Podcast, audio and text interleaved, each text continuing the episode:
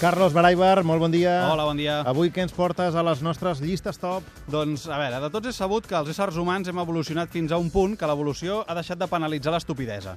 És a dir, en el regne animal, quan neix un cadell o una cria que és idiota, la selecció natural l'elimina. Un animal estúpid no sobreviu i, per tant, no procrea i, per tant, no continua la línia d'estupidesa. No hi ha una nissaga d'animals estúpids. Però els humans fa massa temps que ho hem subvertit, això.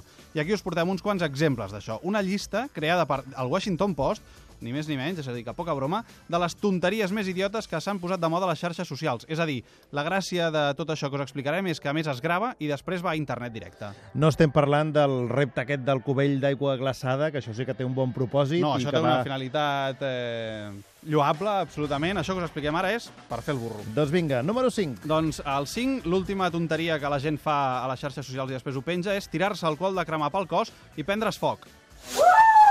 Aquest està molt content primer Clar, i aquí està revolcant-se per terra i li estan intentant apagar el foc. Té conseqüències, això, Aquesta després. pràctica es diu Fire Challenge, s'ha posat de moda als Estats Units, de moment, però tranquils que d'idiotes amb poca feina n'hi ha a tot arreu i arribarà. El resultat, cremades de primer i tercer grau. El Washington Post posa notes. El 10 seria Einstein i l'1, broma mortal. Aquesta pràctica de foc té un 10, evidentment. Número 4. El número 4, un repte idiota i molt senzill de fer, ho podeu provar a casa. No, és mentida, no ho feu, eh? Es tracta de posar-te sal sobre una part del cos i després posar-hi un glaçó a sobre i esperar que es desfaci. I tu diràs, quin risc hi ha aquí? No? Quin risc hi ha aquí? Quin risc hi ha aquí? Doncs passa que quan combines gel amb sal, el gel encara genera més fred que la temperatura habitual de congelació i, per tant, hi ha documentades fins i tot cremades de segon i tercer grau per aquesta pràctica i l'amputació és un risc. El post també li posa un 10 en el rànquing d'estu- d'estupidesa. Sens dubte, guanyat eh, a pols. Número 3. Ara parlant de pols, empassar-se una cullerada de canyella en pols en menys d'un minut sense utilitzar aigua. Aquest és el resultat sonor. what? No sé, Aquest és un soroll fet amb la boca. Sí, sí, sí. No, sé si has, sí.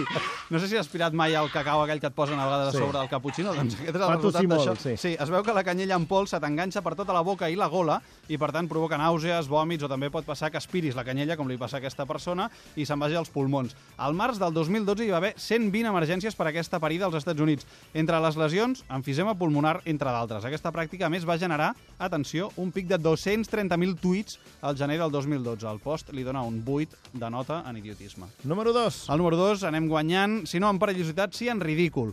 El joc consisteix en inhalar un condó pel nas i intentar treure'l per la boca. O sigui, tu estires un condó Mare en tota la seva llargada i te'l vas, vas tirant muntanya amunt, com si diguéssim, pel nas, i llavors te l'estires per la boca. O sigui, imagina't això.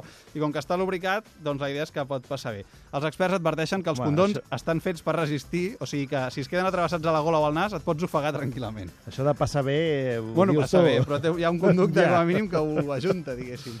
Això deu ser un 10 en estupidesa, Sí, també, no? efectivament. Molt bé. Número 1. I al número 1, Garriga, hi hem posat el repte menys perillós de la llista, però que més gràcia m'ha fet. Consisteix en veure qui va més ràpid a menjar-se un plàtan amb una mitja posada al cap. O sigui, a veure, tu et poses una mitja al cap, com els lladres de les pel·lis antigues o dels dibuixos, i clar, la boca et queda coberta per la mitja.